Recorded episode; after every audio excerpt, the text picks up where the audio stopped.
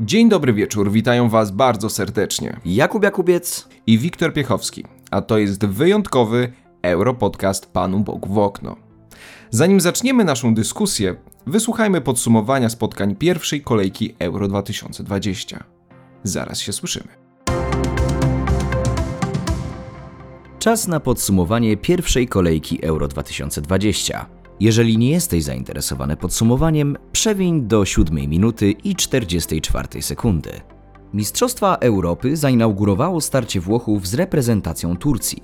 Niestety, Turcy, nazywani przed turniejem potencjalnym czarnym koniem rozgrywek, w starciu z silniejszym rywalem zdecydowanie zawiedli. Po pechowej bramce samobójczej Demirala oraz trafieniom Ciro Immobile i Lorenzo Insigne, Włosi bezlitośnie rozbili Turcję 3 do 0. Następnego dnia kibice otrzymali od piłkarzy i organizatorów istny emocjonalny roller coaster. Dzień drugi Euro 2020 rozpoczęło starcie Walii ze Szwajcarią. Gdyby nazywać turniejowe mecze, ten nosiłby wdzięczną nazwę Festiwal Niewykorzystanych Okazji. Pomimo optycznej przewagi Szwajcarów i bramki zdobytej przez będącego w gazie Brilla Embolo na początku drugiej połowy, Walijczycy pokazali Europie serce do walki, którym zachwycali kibiców przed pięcioma laty we Francji. Na kwadrans przed końcem spotkania po fantastycznym fantastycznej główce wynik meczu wyrównał Kiefer Moore. Pod koniec spotkania, po pięknej akcji, bramkę dla Szwajcarów zdobył jeszcze Gawranowicz. Jednak po interwencji waru sędziowie dopatrzyli się spalonego. Szwajcarzy mogą mieć pretensje tylko do samych siebie. Mecz skończył się remisem 1 do 1. O godzinie 18 drugiego dnia mistrzostw rozpoczęło się spotkanie, które z całą pewnością zapisze się wielkimi literami w historii futbolu. Dania podejmująca Finlandię była na najlepszej drodze do wygrania spotkania, nieustępliwie nacierając na bramkę Lukasa Hradeckiego. Pod koniec pierwszej połowy jednak cały piłkarski świat był świadkiem koszmarnego wydarzenia. Podczas rozgrywania akcji kluczowy piłkarz duńskiej drużyny Christian Eriksen stracił przytomność i padł bezwładnie na murawę. Błyskawiczna reakcja kapitana zespołu Danii Simona Kiera, natychmiastowe przerwanie gry przez arbitra i ekipa medyczna reanimująca zawodnika z całą pewnością uratowali mu życie. Mecz został zatrzymany, a kibice na całym świecie wstrzymali oddech. Nie wstrzymała go jednak UEFA, która po przewiezieniu Duńczyka do szpitala podjęła decyzję o wznowieniu spotkania. Wstrząs, jakiego doznali piłkarze reprezentacji Danii, dał się odczuć na boisku. To Finowie koniec końców byli w stanie zdobyć jedyną bramkę w tym spotkaniu. Po świetnym dośrodkowaniu piłki bramkę głową strzelił Pochian Palo. Po spotkaniu nie obyło się bez kontrowersji. Czy słusznym była decyzja o wznowieniu spotkania po tak dramatycznym wydarzeniu? Czy etycznym jest dogrywanie takiego spotkania tego samego dnia? Czy następne spotkanie w Sankt Petersburgu pomiędzy Belgią a Rosją powinno było się odbyć? Z takimi pytaniami kibiców na całym świecie pozostawiła UEFA. Wieczorne spotkanie Belgów z Rosją to z kolei istna deklasacja. Jednym słowem Romelu Lukaku show. Fatalne błędy defensywy drużyny Stanisława Czerczesowa, a także kunszt piłkarski Meniera i Lukaku dały Belgom pewne trzy punkty zwieńczone zwycięstwem 3 do 0. Reprezentacja Roberto Martineza pokazała, że jest o wiele dojrzalszą drużyną od tej, którą pamiętamy z poprzednich turniejów. Trzeci dzień Euro rozpoczęło spotkanie, które na papierze aspirowało do miana hitu kolejki. Anglia podejmowała Chorwację. Idealna okazja na rewanż za mundialowe spotkanie przed trzema laty. W pierwszej połowie Anglicy przejęli inicjatywę, którą wraz ze zdobyciem pierwszej bramki przez Rahima Sterlinga wdzięcznie oddali rywalom. Anglia wyglądała w tym spotkaniu jakby nie chciała, a Chorwacja jak gdyby chciała, ale po prostu nie mogła. Dziwaczne starcie, skończone finalnie skromnym, jednobramkowym zwycięstwem synów Albionu. O godzinie 15 Austria podejmowała Macedonię Północną. I niestety serce do walki Macedończyków nie wystarczyło. Pomimo trafienia boiskowego weterana Gorana Pandewa, Austria wygrała spotkanie 3 do 1 po trafieniach Leinera, Sabicera i Arnautowicza. Wieczorem kibiców czekało jedno z najciekawszych spotkań pierwszej kolejki. Holandia podejmowała Ukrainę, którą powielokroć w trakcie spotkania spychała do defensywy. Po dwóch szybkich ciosach w drugiej połowie, wymierzonych przez Wijnalduma i Weghorsta, wydawało się, że jest już po meczu. Tymczasem jednak Ukraińcy otworzyli się, co pozwoliło im kolejno w 75 i 79 minucie doprowadzić do wyrównania. Bramkę kontaktową dla drużyny Andrija Szewczenki zdobył Jaremczuk, a 4 minuty później kapitalnym strzałem z dystansu popisał się Andrii Jarmolenko. W końcówce spotkania to jednak Holendrzy zdołali zdobyć zwycięską bramkę. Autorem trafienia był jeden z bohaterów spotkania, Denzel Dumfries. Ostatnie minuty meczu pokazały jednak, jak dużego respektu nabrała drużyna pomarańczowych do niepozornych na pierwszy rzut oka Ukraińców. Holandia-Ukraina 3 do 2. W końcu przyszedł ten wyczekiwany przez Polaków dzień dzień starcia ze Słowacją. Ale zanim sędzia zagwizdał w Sankt Petersburgu po raz pierwszy, kibiców czekało jeszcze spotkanie Czechów ze Szkotami. I co też najlepszego wyprawiał w tym spotkaniu Patrick Schick? Pierwsza bramka strzelona głową, ładny strzał, marszal bez szans. Ale w drugiej połowie kibice byli świadkami jednej z najbardziej niesamowitych bramek w historii Mistrzostw Europy. Po raz kolejny tego dnia Patrick Schick, wykorzystując złe ustawienie bramkarza Szkotów, zdobył bramkę strzałem z za połowy boiska. Nieprawdopodobny widok. Czechy-Szkocja 2 do 0. Niby nikt nie wierzył, a jednak każdy się łudził. Gdyby nie ta wiara rozpalona w sercach milionów Polaków, reakcja na porażkę ze Słowacją nie byłaby aż tak intensywna. Spotkanie zaczęło się kompletnie nie po naszej myśli. Po fatalnym błędzie obrońców, lewą stroną w pole karne Polaków wdarł się skrzydłowy reprezentacji Słowacji, Mak, który uderzając futbolówkę na krótszy róg, odbił ją najpierw od słupka, a następnie od głowy Wojtka Szczęsnego. Koszmarna seria Wojciecha Szczęsnego na wielkich turniejach trwa w najlepsze. Druga połowa to kompletna metamorfoza kadry Paulo Souzy. Zawodnicy zaczęli grać z dużą intensywnością i ta intensywność przyniosła efekt w postaci bramki Karola Linettego po naprawdę dobrze wyglądającej akcji. Ale co stało się potem? Stał się Grzegorz Krychowiak, a w zasadzie jego nierozważne wejście w nogi rywala, które sprawiło, że po drugiej żółtej kartce Polacy grali w dziesiątkę. Całe momentum utracone jak zamachnięciem czarodziejskiej różdżki. W późniejszym etapie meczu, pomimo ostrzeżeń selekcjonera na przedmeczowej odprawie, Polacy nie zdołali pokryć przy stałym fragmencie gry Milana Szkliniara, który ustawił wynik meczu na 2 do 1 dla Słowaków. Miało być jak nigdy, a wyszło jak zawsze. Przed Polakami niezwykle ciężka przeprawa, jeśli chcą myśleć o wyjściu z grupy. Wieczorem po polskim blamarzu swoje pierwsze spotkania rozgrywali grupowi rywale Polaków, Szwedzi i Hiszpanie. Mecz był pokazem solidnej szwedzkiej defensywy, z dużą domieszką szczęścia i bicia Hiszpanów głową w mur. Spotkanie zakończyło się najgorszym możliwym dla reprezentacji Polski wynikiem remisem 0 do 0. Ostatniego dnia pierwszej kolejki swoje spotkanie jako pierwsi rozegrali Portugalczycy, podejmujący reprezentację Węgier.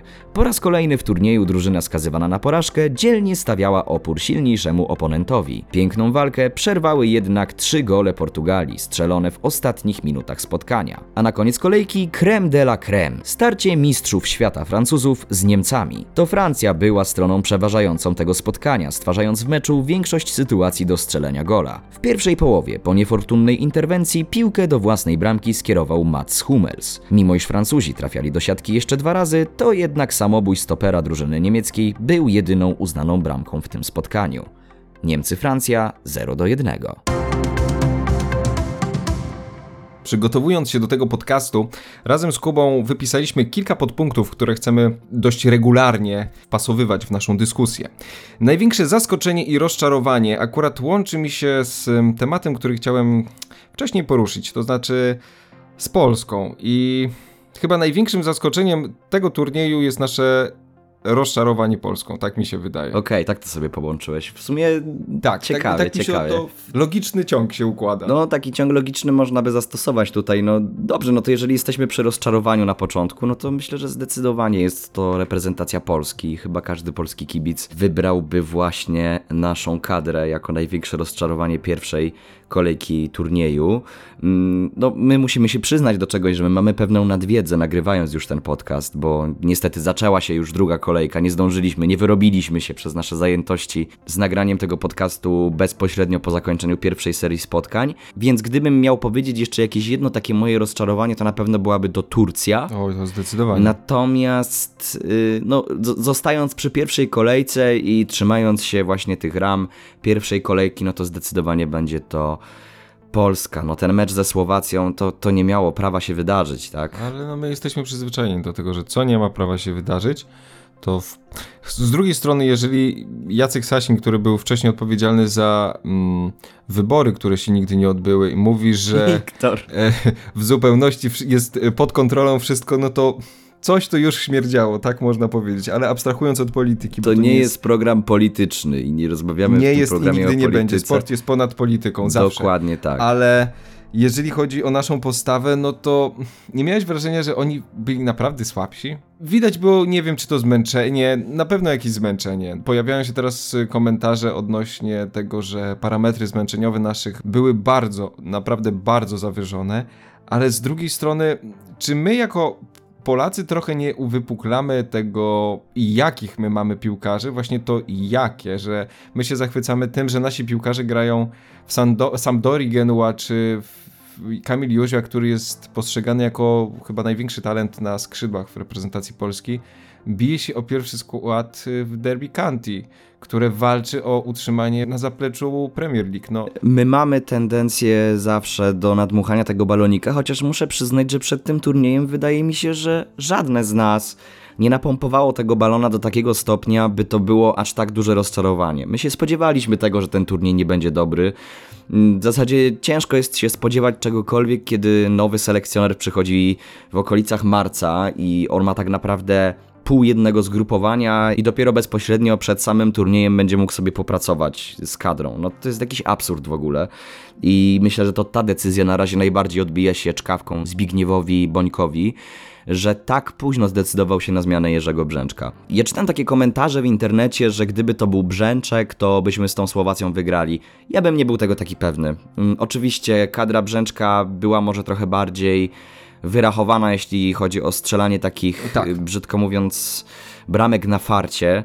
I w zasadzie mm, poza tymi bramkami, które padały, ten styl gry był bardzo, bardzo, bardzo daleki od jakiegoś ideału i myślę, że Słowacja, my, my też bardzo bagatelizujemy tutaj pracę Słowaków, a Słowacy odrobili zadanie domowe i, i oni po prostu wyszli na ten mecz przygotowani, a nasza reprezentacja popełniła dokładnie te błędy, przed którymi przestrzegał ich Paulo Souza, co można zobaczyć na vlogu Łączy Nas Piłka. Oczywiście wiadomo, że ten materiał jest zmontowany w taki sposób, żeby jak najwięcej jakiejś jeszcze nadziei tchnąć w kibiców, której nie ma. Zresztą sam Grzegorz Krychowiak po tym spotkaniu powiedział, że on nie oczekuje, żeby nagle wszyscy wierzyli teraz w reprezentację. Najważniejsze jest to, żeby oni sami wierzyli, więc dzisiejsze spotkanie z Hiszpanią, bo prawdopodobnie dodajemy ten podcast już w sobotę.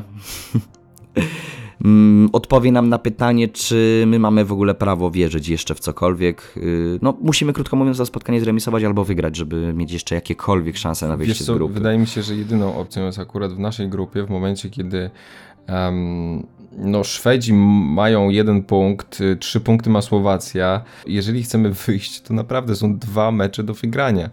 My tu nie mamy już co liczyć na. No tylko na trzecie miejsce możemy liczyć ewentualnie. Ale trzecie miejsce właśnie też, jeżeli, jeżeli jakakolwiek drużyna w innej grupie będzie również miała cztery punkty i będzie miała lepszy bilans bramkowy, no to my jak na razie jesteśmy na bilansie minus jeden. No tak, tak, to jest takie gdybanie. My musimy wygrać te dwa mecze i to wcale nie jest nie do zrobienia, tak? Bo w Hiszpanii nie pokazują, jak Hiszpanie mają sami problemy, sami dopiero są właściwie w przebudowie, w budowie nowej reprezentacji, którą dość mocną ręką próbuje prowadzić Luis Enrique. W meczu ze Szwedami no, no nie wyglądało to jakoś no nie oszukujmy, no wynik 0-0 ze Szwecją. Wiemy, że Szwedzi potrafią się bronić i potrafią grać w piłkę, co wcześniej pokazali w meczu na przykład z Włochami e, 3 lata temu, bijąc się o Mistrzostwa Świata ale my jesteśmy w stanie to zrobić, tylko pytanie, czy będzie to wyglądało tak jak pierwsze 25 minut w meczu jeszcze za kadencji Jerzego Brzęczka z Holandią, gdzie Kamil Jóźwiak pięknie jednym ze skrzydeł poleciał, zdobył bramkę. Pytanie, czy ruszą, czy nie, ale zastanawia mnie jeszcze jedna rzecz um, i właściwie to chyba najbardziej mnie razi. Bardzo wolno i bardzo przewidywalnie jest dostarczana piłka do naszych e, pomocników. Staramy się cały czas grać przez środek pola i widać, że to nam kompletnie nie idzie, że zdecydowanie lepiej idzie nam przez skrzydła, co pokazały e, na przykład bramka Karola Linet tego, tak? Gdzie Maciej Rybus ze skrzydła podał e, i fartem, nie fartem, ale skutecznie piłka trafiła pod nogi e, pomocnika reprezentacji Polski. Więc ja cię cały czas zastanawiam, gdzie jest nasz pomysł i mam nadzieję zobaczyć go w meczu z Hiszpanią, bo bo chyba skrzydła są, zawsze były do naszą mocną stroną. Ale i... też trzeba podkreślić, że to są najsłabsze skrzydła od lat, jakie mamy w reprezentacji. Tak przynajmniej. Ale zauważ, że są skuteczne mimo wszystko. Zobacz, yy, Frankowski dośrodkował e, w meczu towarzyskim. E, Rybus, Puchacz mają kondycję. Rybus, no wbrew pozorom Właśnie, wyglądał tylko popatrzcie, do czego, do czego my sprowadzamy w zasadzie grę naszych skrzydeł, naszych wahadeł, bo Paulo Souza bardzo tym ustawieniem miesza i, i piłkarze się przegrupowują bardzo dynamicznie. Jeżeli mam powiedzieć o jakimś pomyśle na grę. Ja myślę, że Paulo Souza ma pomysł na grę naszej reprezentacji, tylko problem polega na tym, że nasza reprezentacja nie jest Fiorentiną, którą Paulo Souza prowadził kilka lat temu, gdzie ci zawodnicy byli po pierwsze przyzwyczajeni do bardzo podobnego ustawienia, po drugie bardzo dynamicznie się przemieszczali, a ja mam wrażenie, że my po można powiedzieć takiej suszarce w szatni trenera Souzy jesteśmy w stanie wyjść i grać płynnie, dynamicznie i ta gra zaczęła się nagle układać w drugiej połowie, tylko że potem znowu tego ruchu zaczyna brakować. I ciężko jest grać piłką, ciężko jest grać na wysokie posiadanie piłki i liczyć na to, że będziemy dochodzili do sytuacji, podczas gdy nasi piłkarze w zasadzie stoją w miejscu. To jest opcja do podania, ale to jest opcja do podania zazwyczaj do tyłu i bardzo, bardzo ciężko jest się przedrzeć w taki sposób gdziekolwiek nie ma tego ruchu, nie ma wychodzenia na pozycję. To jest kolejny moment, już wcześniej mówiliśmy o tym, o, omawiając pierwsze spotkania Souzy, o tym, że zawodnicy ustawiają się tyłem do podawanej piłki, muszą się jeszcze obrócić, przez co są bardziej przewidywalni i podać piłkę przeważnie do osoby, która również jest tyłem ustawiona. I to było dokładnie w naszym ostatnim meczu ze Słowakami. Cały czas wolno, przewidywalnie i też co by nie mówić, zobacz, patrzę na takiego Kieliniego. On ma 37 lat, a zasuwa ile fabryka dała i jakkolwiek może, jest skuteczny. A patrzę na naszego Kamila Glika, który nigdy nie był, co prawda, zawodnikiem szybkościowym, ale mnie poraża jego tempo, no on jest po prostu wolny. I jedna rzecz jest, y, która najbardziej mnie razi. Chaos, jaki jest w momencie przechodzenia z jednej formacji do drugiej. Trochę jest tak, że przechodząc na piątkę obrońców, skrajni e, środkowi obrońcy, czyli prawy środkowy obrońca i lewy środkowy obrońca, nie wie, czy ma iść za zawodnikiem na skrzydle, czy zostać na środku. I to się zdarzyło i w momencie poprzednich meczów, i teraz się zdarzyło przy błędzie Bereszyńskiego, który nie powinien się zdarzyć. No i trochę to, trochę to odbiera nam już nadzieję, tak jak na to patrzę, bo owszem, Hiszpania to jest zespół, który teraz za tej drugiej kadencji Luisa Enrique to też jest zespół, który nie wygląda jakoś zachwycająco. Bardzo dużo meczów y, remisują, więc tu można upatrywać jakąś szansę. Tylko, że pierwsze co my musimy zrobić, Jan Bednarek mówił to na konferencji prasowej, że my musimy bronić jak husaria. Czy ja tę obronę na ten moment widzę? Nie za bardzo. I to jest chyba największy mój problem. I trochę taki demon Adama Nawałki z Mundialu 2018 się tutaj pojawia, że ta trójka obrońców trochę nam jeszcze nie leży. Mhm. Ale czy to znaczy, że Paulo Souza nie chce czegoś zmienić, że Paulo Souza jest uparty, czy, czy jego filozofia nie ma racji bytu, nie powiedziałbym tak i uważam, że Paulo Souza zdecydowanie powinien po turnieju zostać z naszą reprezentacją, żeby dać tę szansę na zbudowanie jakiejś drużyny. To jest jedyna opcja, jeżeli my chcemy myśleć o przyszłych turniejach, jeżeli my chcemy myśleć o mundialu w Katarze, jeżeli my chcemy kiedykolwiek zobaczyć reprezentację Polski, która gra piłką, czego próby już powoli widzimy, natomiast na razie to są tylko takie bardzo krótkie momenty. Raz od 60 minuty, raz od 45 minuty, raz przez pierwsze 10 minut. Ale to na to potrzeba czasu. Zauważ, y, większość, większość selekcjonerów, która teraz prowadzi drużyny, pracuje z nimi od kilku lat. Selekcjoner reprezentacji Szwajcarii, Petkowicz, pracuje z nimi już kilka lat. Czerczesow pracuje kilka lat. Mancini kilka lat. Ja wiem, że Polacy są bardzo niecierpliwi i chodzi mi tutaj o naród. I uważamy, że przecież to my jesteśmy narodem wybranym, jeżeli chodzi o piłkę nożną. Nie jesteśmy i jesteśmy naprawdę daleko za zespołami, które po prostu od lat sukcesywnie, szczebelek po szczebelku rozwijają się. I widać to po polskich drużynach i po polskiej reprezentacji. Kończymy chyba temat. Wróćmy jeszcze na chwilę do zaskoczeń, bo ty połączyłeś bardzo sprytnie tutaj wątek zaskoczenia i rozczarowania w jednym. Natomiast moje jakieś takie ogromne zaskoczenie to jest reprezentacja Ukrainy. Moja też. I to jest coś kapitalnego, jak ta drużyna gra. I to jest taki wzór, myślę, którym powinniśmy podążać, gdzie za Andrija Szewczenki naprawdę ta reprezentacja gra fajną piłkę.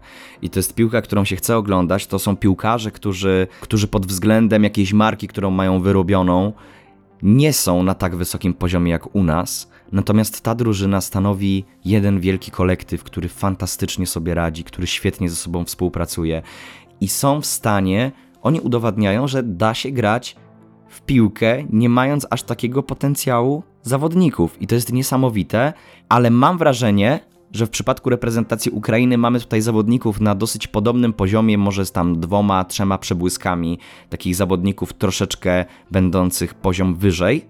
A u nas, w naszej reprezentacji, mamy albo zawodników wybitnych, albo zawodników, którzy nie do końca przekonują na tym poziomie reprezentacyjnym i też na, w piłce klubowej nie są jakimiś pierwszoplanowymi postaciami. Mamy chyba zbyt duży miks takich zawodników, że mamy nagle obrońcę z ekstraklasy i mamy nagle Roberta Lewandowskiego czy Piotra Zielińskiego, którzy sobie świetnie radzą w swoich klubach.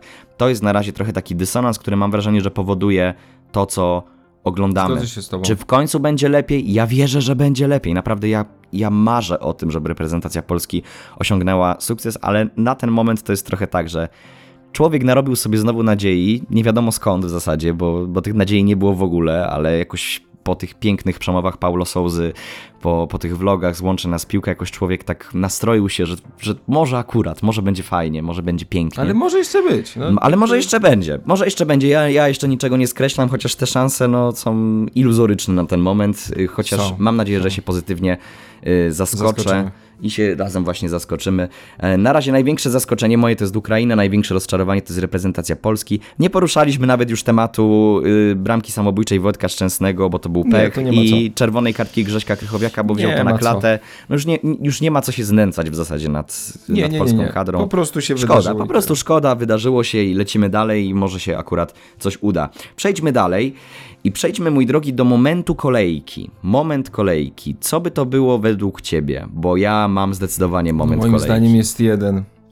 Jest jeden, który ja mogę się przyznać, że akurat wtedy byłem em, na planie zdjęciowym i podszedł do mnie kolega i mówi, wiesz, nie chcę ci rozwalać sceny, ale, ale chodź coś zobaczyć. I Ja poszedłem, patrzę, z 10 osób przy telefonie i wtedy się dowiedziałem, że jest reanimowany Christian Eriksen. Szczerze ci powiem, byłem strasznie wkurzony na UEFA. I, i nie potrafię tego wytłumaczyć em, mm, dlaczego, ale bardzo się przejąłem tą sytuacją i wyobraziłem sobie kogokolwiek z naszej reprezentacji, czy w ogóle z bliskich osób, a byłem w takiej sytuacji, gdzie osoba e, stojąca obok mnie zemdlała i trzeba było szybko zareagować. No zostaje to w tobie, po prostu. Taka sytuacja, w której piłkarz jest reanimowany kilkanaście minut. To jest, to jest przerażające. To jest przerażające. I też e, komentarze jakichś dziennikarzy, czy ja, ja bardzo chciałbym poprosić, żeby w takich sytuacjach po prostu nic nie mówić. Może, może to będzie naj, najzdrowsze i najlepsze. No też wiesz, nie, nie, nie, nie za bardzo wiedzieli ludzie, jak, jak się zachować. No, mnie od razu to przywiodło na myśl sytuację sprzed kilku lat yy, Abdelhaka Nuriego. tak, nie wiem, czy tak, tak, tak. kojarzysz. Z, Pamiętasz? z Ajaxu Amsterdam. Z Ajaxu, tak. 34. No, młody piłkarz, y, który również padł nagle na murawę i wpadł w śpiączkę na bardzo, bardzo długi czas i w tym momencie już po przebudzeniu no, już wiadomo, że nie będzie kontynuował na pewno kariery piłkarskiej. Co więcej, no, jednak te funkcje życiowe wszystkie też zostały dosyć mocno ograniczone. I to od razu przywiodło mi to na myśl. Ja też przyznam szczerze, że ja tego obrazka nie widziałem na żywo. Y, Również, y, że tak powiem, byłem w trybie pracy wtedy, natomiast też ktoś mnie zawołał i wyglądało to bardzo, bardzo źle. Na początku w ogóle, kiedy zobaczyłem powtórkę, to myślałem, że Christian Eriksen dostał piłką w krtań na przykład, czy coś w tym stylu, ale nie, po prostu Christian Eriksen padł na murawę. I absolutny podziw dla Simona Kiera za bardzo szybką reakcję. Bardzo, bardzo duże oklaski dla sędziego, który przerwał grę. Nie musiał tego robić. Myślę, że tutaj do spółki zadziałały. No, dobra organizacja, po prostu, dobra Do, organizacja. tutaj tak, do spółki zadziałała dobra organizacja y, sen, pracy sędziego, a także no, no jego jakaś spostrzegawczość i też właśnie reakcja Simona Kiera, bo ja widziałem już taki obrazek, co by było, gdyby sędzia nie zareagował od razu, Mhm. a nigdy nie wiadomo, czy piłkarz próbuje coś wymusić, jakiś faul, czy jakaś kontuzja się przydarzy. Czasami po prostu leci przywilej korzyści w drugą stronę. I co by, nawet nie chcę myśleć, co by było, gdyby ta gra została puszczona wtedy i od razu nie zostałby ten mecz przerwany. Bardzo dobra reakcja. Uważam, że bardzo dobra reakcja, która uratowała Christianowi Eriksenowi życie. I teraz możemy oczywiście dywagować, czy po tych strasznych obrazkach, których byliśmy świadkami, czy to było etyczne, żeby wznawiać ten mecz? Mecz, który swoją drogą Dania przegrała koniec końców, mimo że zdecydowanie w tym spotkaniu przeważała.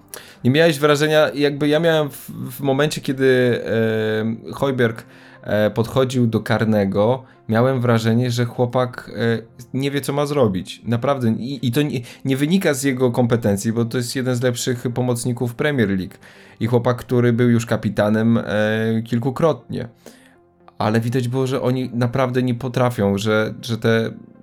że oni byli gdzie indziej. I komentarze, mm, które pojawiły się po meczu, że oni zostali do tego trochę zmuszeni, nie dziwię się, bo w momencie jak dostajesz informację, albo zagrasz to za dwie godziny, albo jutro o 10 rano. No, trochę taki wybór, wybór między dżumą a cholerą trochę. No taki. dokładnie. I mówienie, że to była decyzja zawodników, wiadomo, oni są piłkarzami w momencie jak dostali informację, że Eriksen jest e, świadomy, że wie gdzie jest, co się stało, to wiadomo, że czuli się lepiej, ale to nadal w tobie zostaje. No i ja sam miałem taki przykład, miałem dwa takie przypadki przypadki w życiu, gdzie, gdzie miałem taką sytuację i to zostaje w tobie na kilka dni, po prostu. Zostaje w tobie na kilka dni i nie jesteś w stanie tego wymazać. A jeszcze rozmawiamy o bliskiej osobie. Mówimy o bliskiej dla, osobie, dla tych piłkarzy, tak? liderze drużyny tak naprawdę. Widać było również po reakcji samych zawodników, jak otoczyli murem medyków oraz Eriksena, po to, żeby ludzie nic nie, nie widzieli, żeby spokojnie mieli chwilę dla siebie. No to pokazuje po prostu drużynę.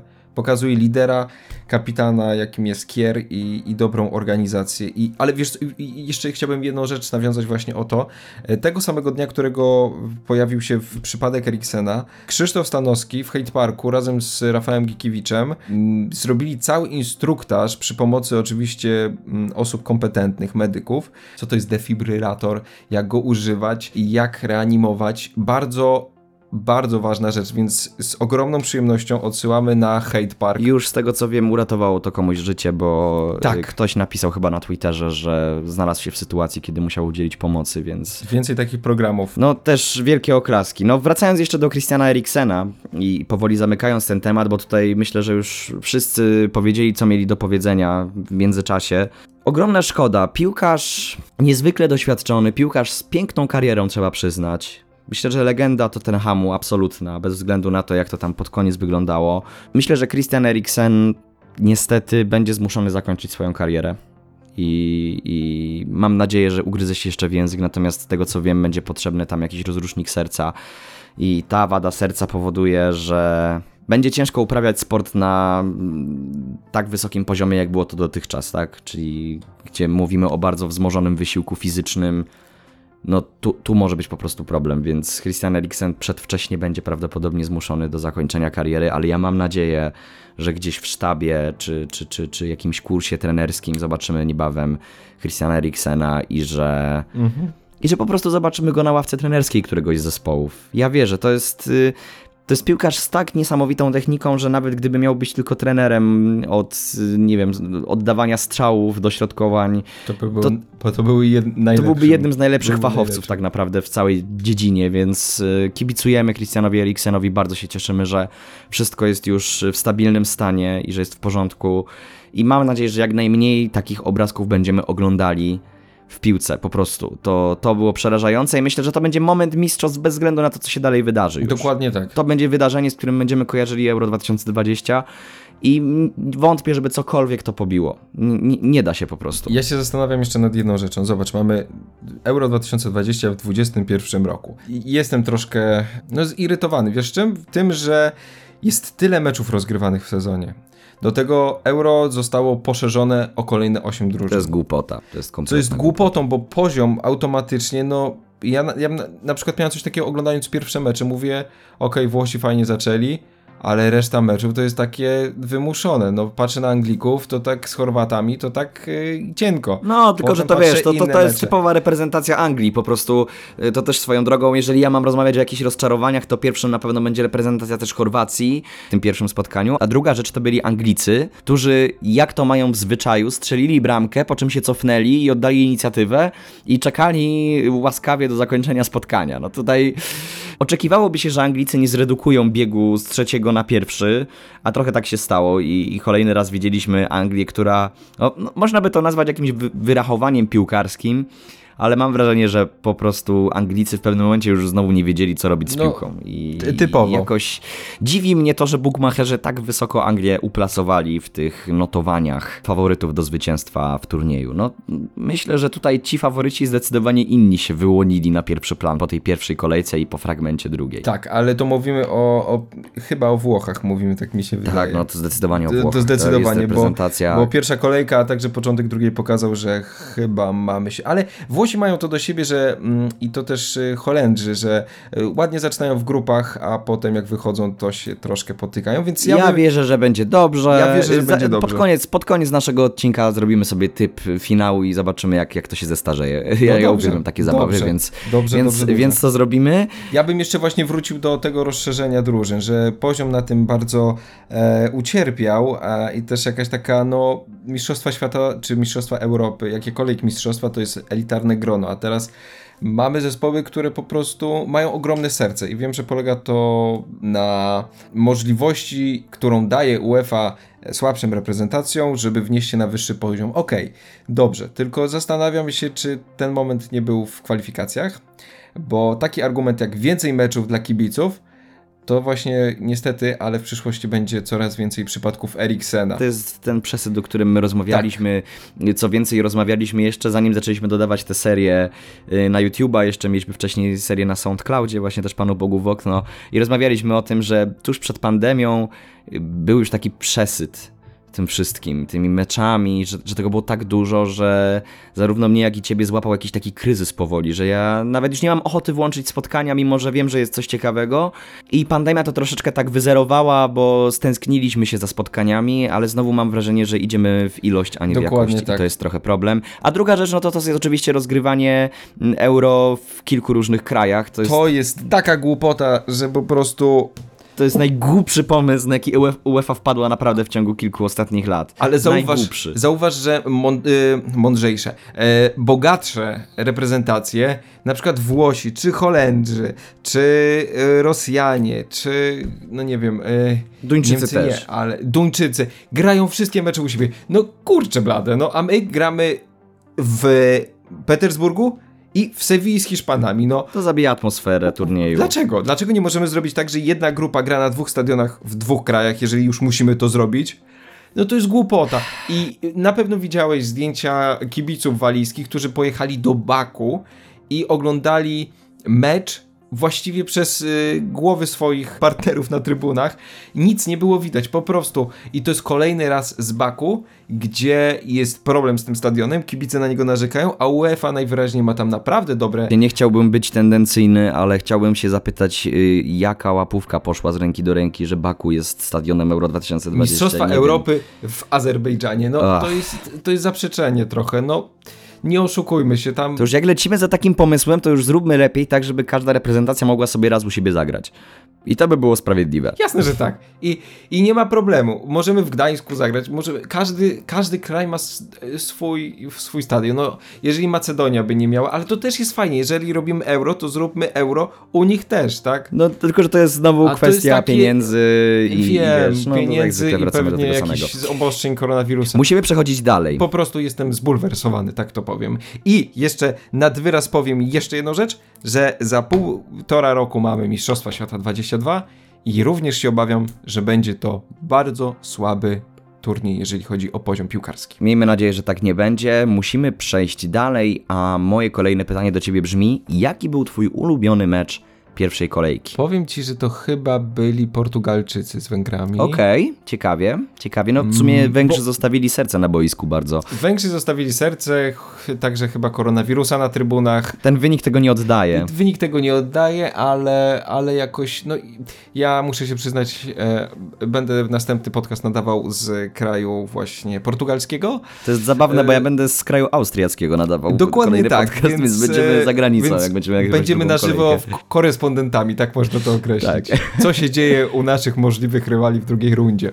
No ale tak, tak, tak, tak, już tak nie wybiegajmy tak w przyszłość, Wiktor. Nie, nie, nie wybiegamy, nie wybiegamy. I piękny był mecz, i to trzeba przyznać, yy, Holendrów z Ukrainą. No i właśnie to był mecz, który ja chciałem wymienić jako mój ulubiony mecz z pierwszej kolejki. Przepiękna bramka Jarmolenki, piękna. Absolutnie piękna, za chwilę do tego wrócimy jeszcze, ale spotkanie, które dostarczyło mi chyba najwięcej emocji ze wszystkich. Jak był już ten moment, że było 2 do 0, mm, oglądałem ten mecz w towarzystwie i już tak myśleliśmy, że kurczę, kolejny pogrom, jakieś 3-0 będzie, a tu nagle cyk jedna brameczka, cyk druga brameczka i to jakiej urody. E, szkoda bardzo mi tej bramki strzelonej przez Holendrów w końcówce spotkania, bo tak... Ale faktycznie, yy, faktycznie Dumfries był świetny w tym, w ty, tego wieczoru. Tak, do tego też za chwileczkę przejdziemy. Szkoda mi bardzo Ukraińców, bo tak jak mówiłem wcześniej, to jest moje bardzo pozytywne zaskoczenie z pierwszej y, kolejki. I przejdźmy zatem za ciosem do bramki kolejki. I tutaj są chyba tylko dwaj kandydaci do, do tego miana i pytanie brzmi, którego wybierzesz ty? Czy będzie to Patryk Szik, czy będzie to jednak Jarmolenko? No mamy sąsiadów, no tak to można określić po sąsiedzku. Em, chyba Patrick Schick, bo takie bramki się... Patryk Sik, okej. E, bo, e, fartem, bo fartem, ale, ale znajdź takiego farta. No nie, no nie takim Znajdź- fartem, nie, nie, nie takim fartem, no to trzeba było mieć naprawdę niesamowitą precyzję, zresztą popatrz jak ta piłka zakręciła Tak. w powietrzu, jak on te, ten strzał oddał. Ja ostatni raz pamiętam taką bramkę Wayne'a Runeya, ż- żeby aż tak piłka zakręciła. Dokładnie tak, ale tutaj faktycznie Roberto Carlos mógłby być zadowolony z podkręcenia piłki. No zdecydowanie tak, no tutaj ja... Jeżeli mam wybrać, to nie wybieram Patryka Sika, tylko wybieram Jarmolenkę z jednego prostego powodu, że bramka Patryka Sika bezpośrednio wyniknęła z błędu Marszala w bramce. I to wymagało niesamowitej precyzji i to było niesamowite trafienie i nieprawdopodobnie efektowne, ale jakoś doceniam kunszt zespołowej gry Ukraińców i, i tego, jak ta akcja została rozwiązana, bo ten strzał Jarmolenki był kapitalny. Kapitalny, Po idealny był. Idealny. Nie dało się lepiej tego uderzyć. E, Od razu mnie się przypomina bramka Kuby Błaszczykowskiego z Rosją, ale bramka Kuby nie była tak piękna jak bramka Jarmolenki, moim zdaniem, więc to jest dla mnie gol pierwszej kolejki, ale dobrze, dobrze, że się nie zgadzamy, że tutaj mamy tak y, rozbieżność w tym, bo to tylko udowadnia, że każdy z nas postrzega piłkę trochę w inny sposób, więc y, to jest ważne. No i ostatnia rzecz, tak już na zakończenie, bohater Simon kolejki. Y, Bohater kolejki oczywiście Simon Simon. Kier, Christian Eriksen, no to są, to są nasi tacy bohaterowie, a jeżeli byśmy rozmawiali tylko o sportowych względach, Wiesz co, to wydaje mi się, że... To wydaje mi się, że środek pola Włochów. Okej, Locatelli. I Locatelli. Locatelli. Okej, to tak Locatelli, widzę, że tak idąc totalnie jeszcze i- za początkiem drugiej kolejki. Ale w pierwszym, w pierwszym meczu również to pokazywał, że wszedł za Verrattiego i młody zawodnik, e, notabene w twoim wieku, rocznik 98, em, no schował do kieszeni wszystko, co się działo w środku pola.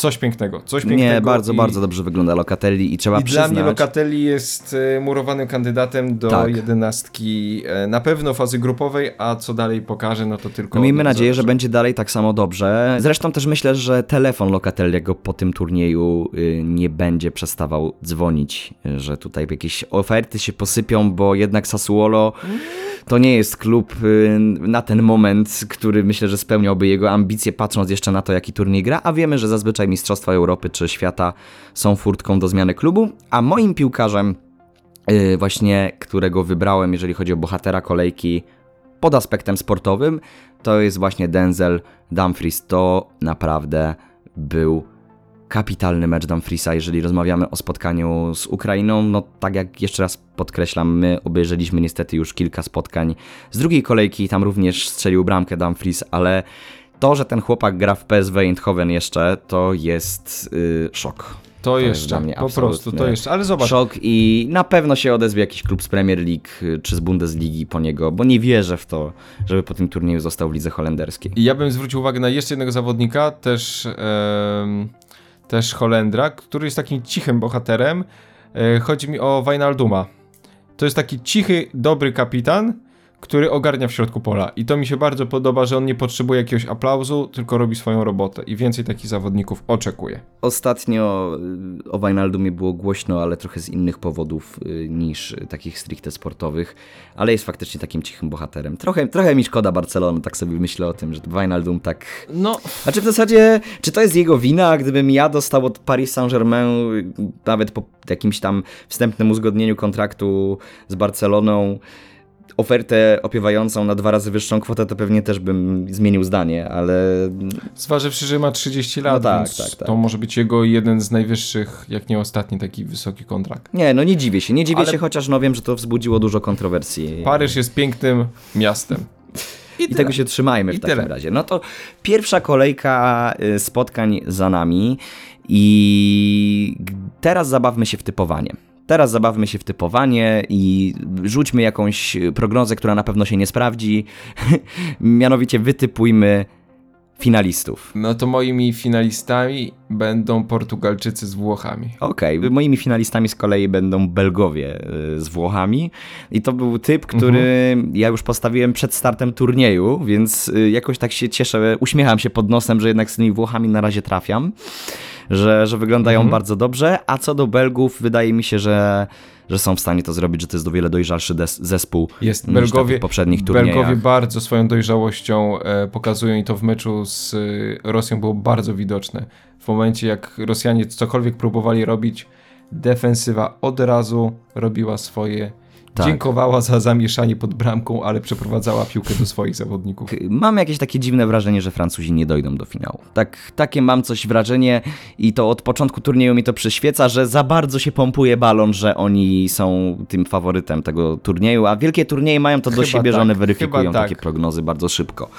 Więc to jest mój typ. Mamy swoje typy i jesteśmy po pierwszej kolejce. Obiecujemy, że właśnie nasze omówienie drugiej kolejki wyjdzie troszeczkę szybciej mm, niż ten odcinek. No, słyszymy się niebawem. Słyszymy Także się słyszymy niebawem. się bardzo, bardzo niebawem. Będziemy z zagranicy nagrywać te, te, ten odcinek, także trzymajcie się. Zostawcie proszę łapkę w górę, subskrypcję. Mm, Będziemy bardzo wdzięczni także za jakiś komentarz. Byli z wami Wiktor Piechowski. Jakub Jakubiec, a to był Europodcast Panu Bogu w okno.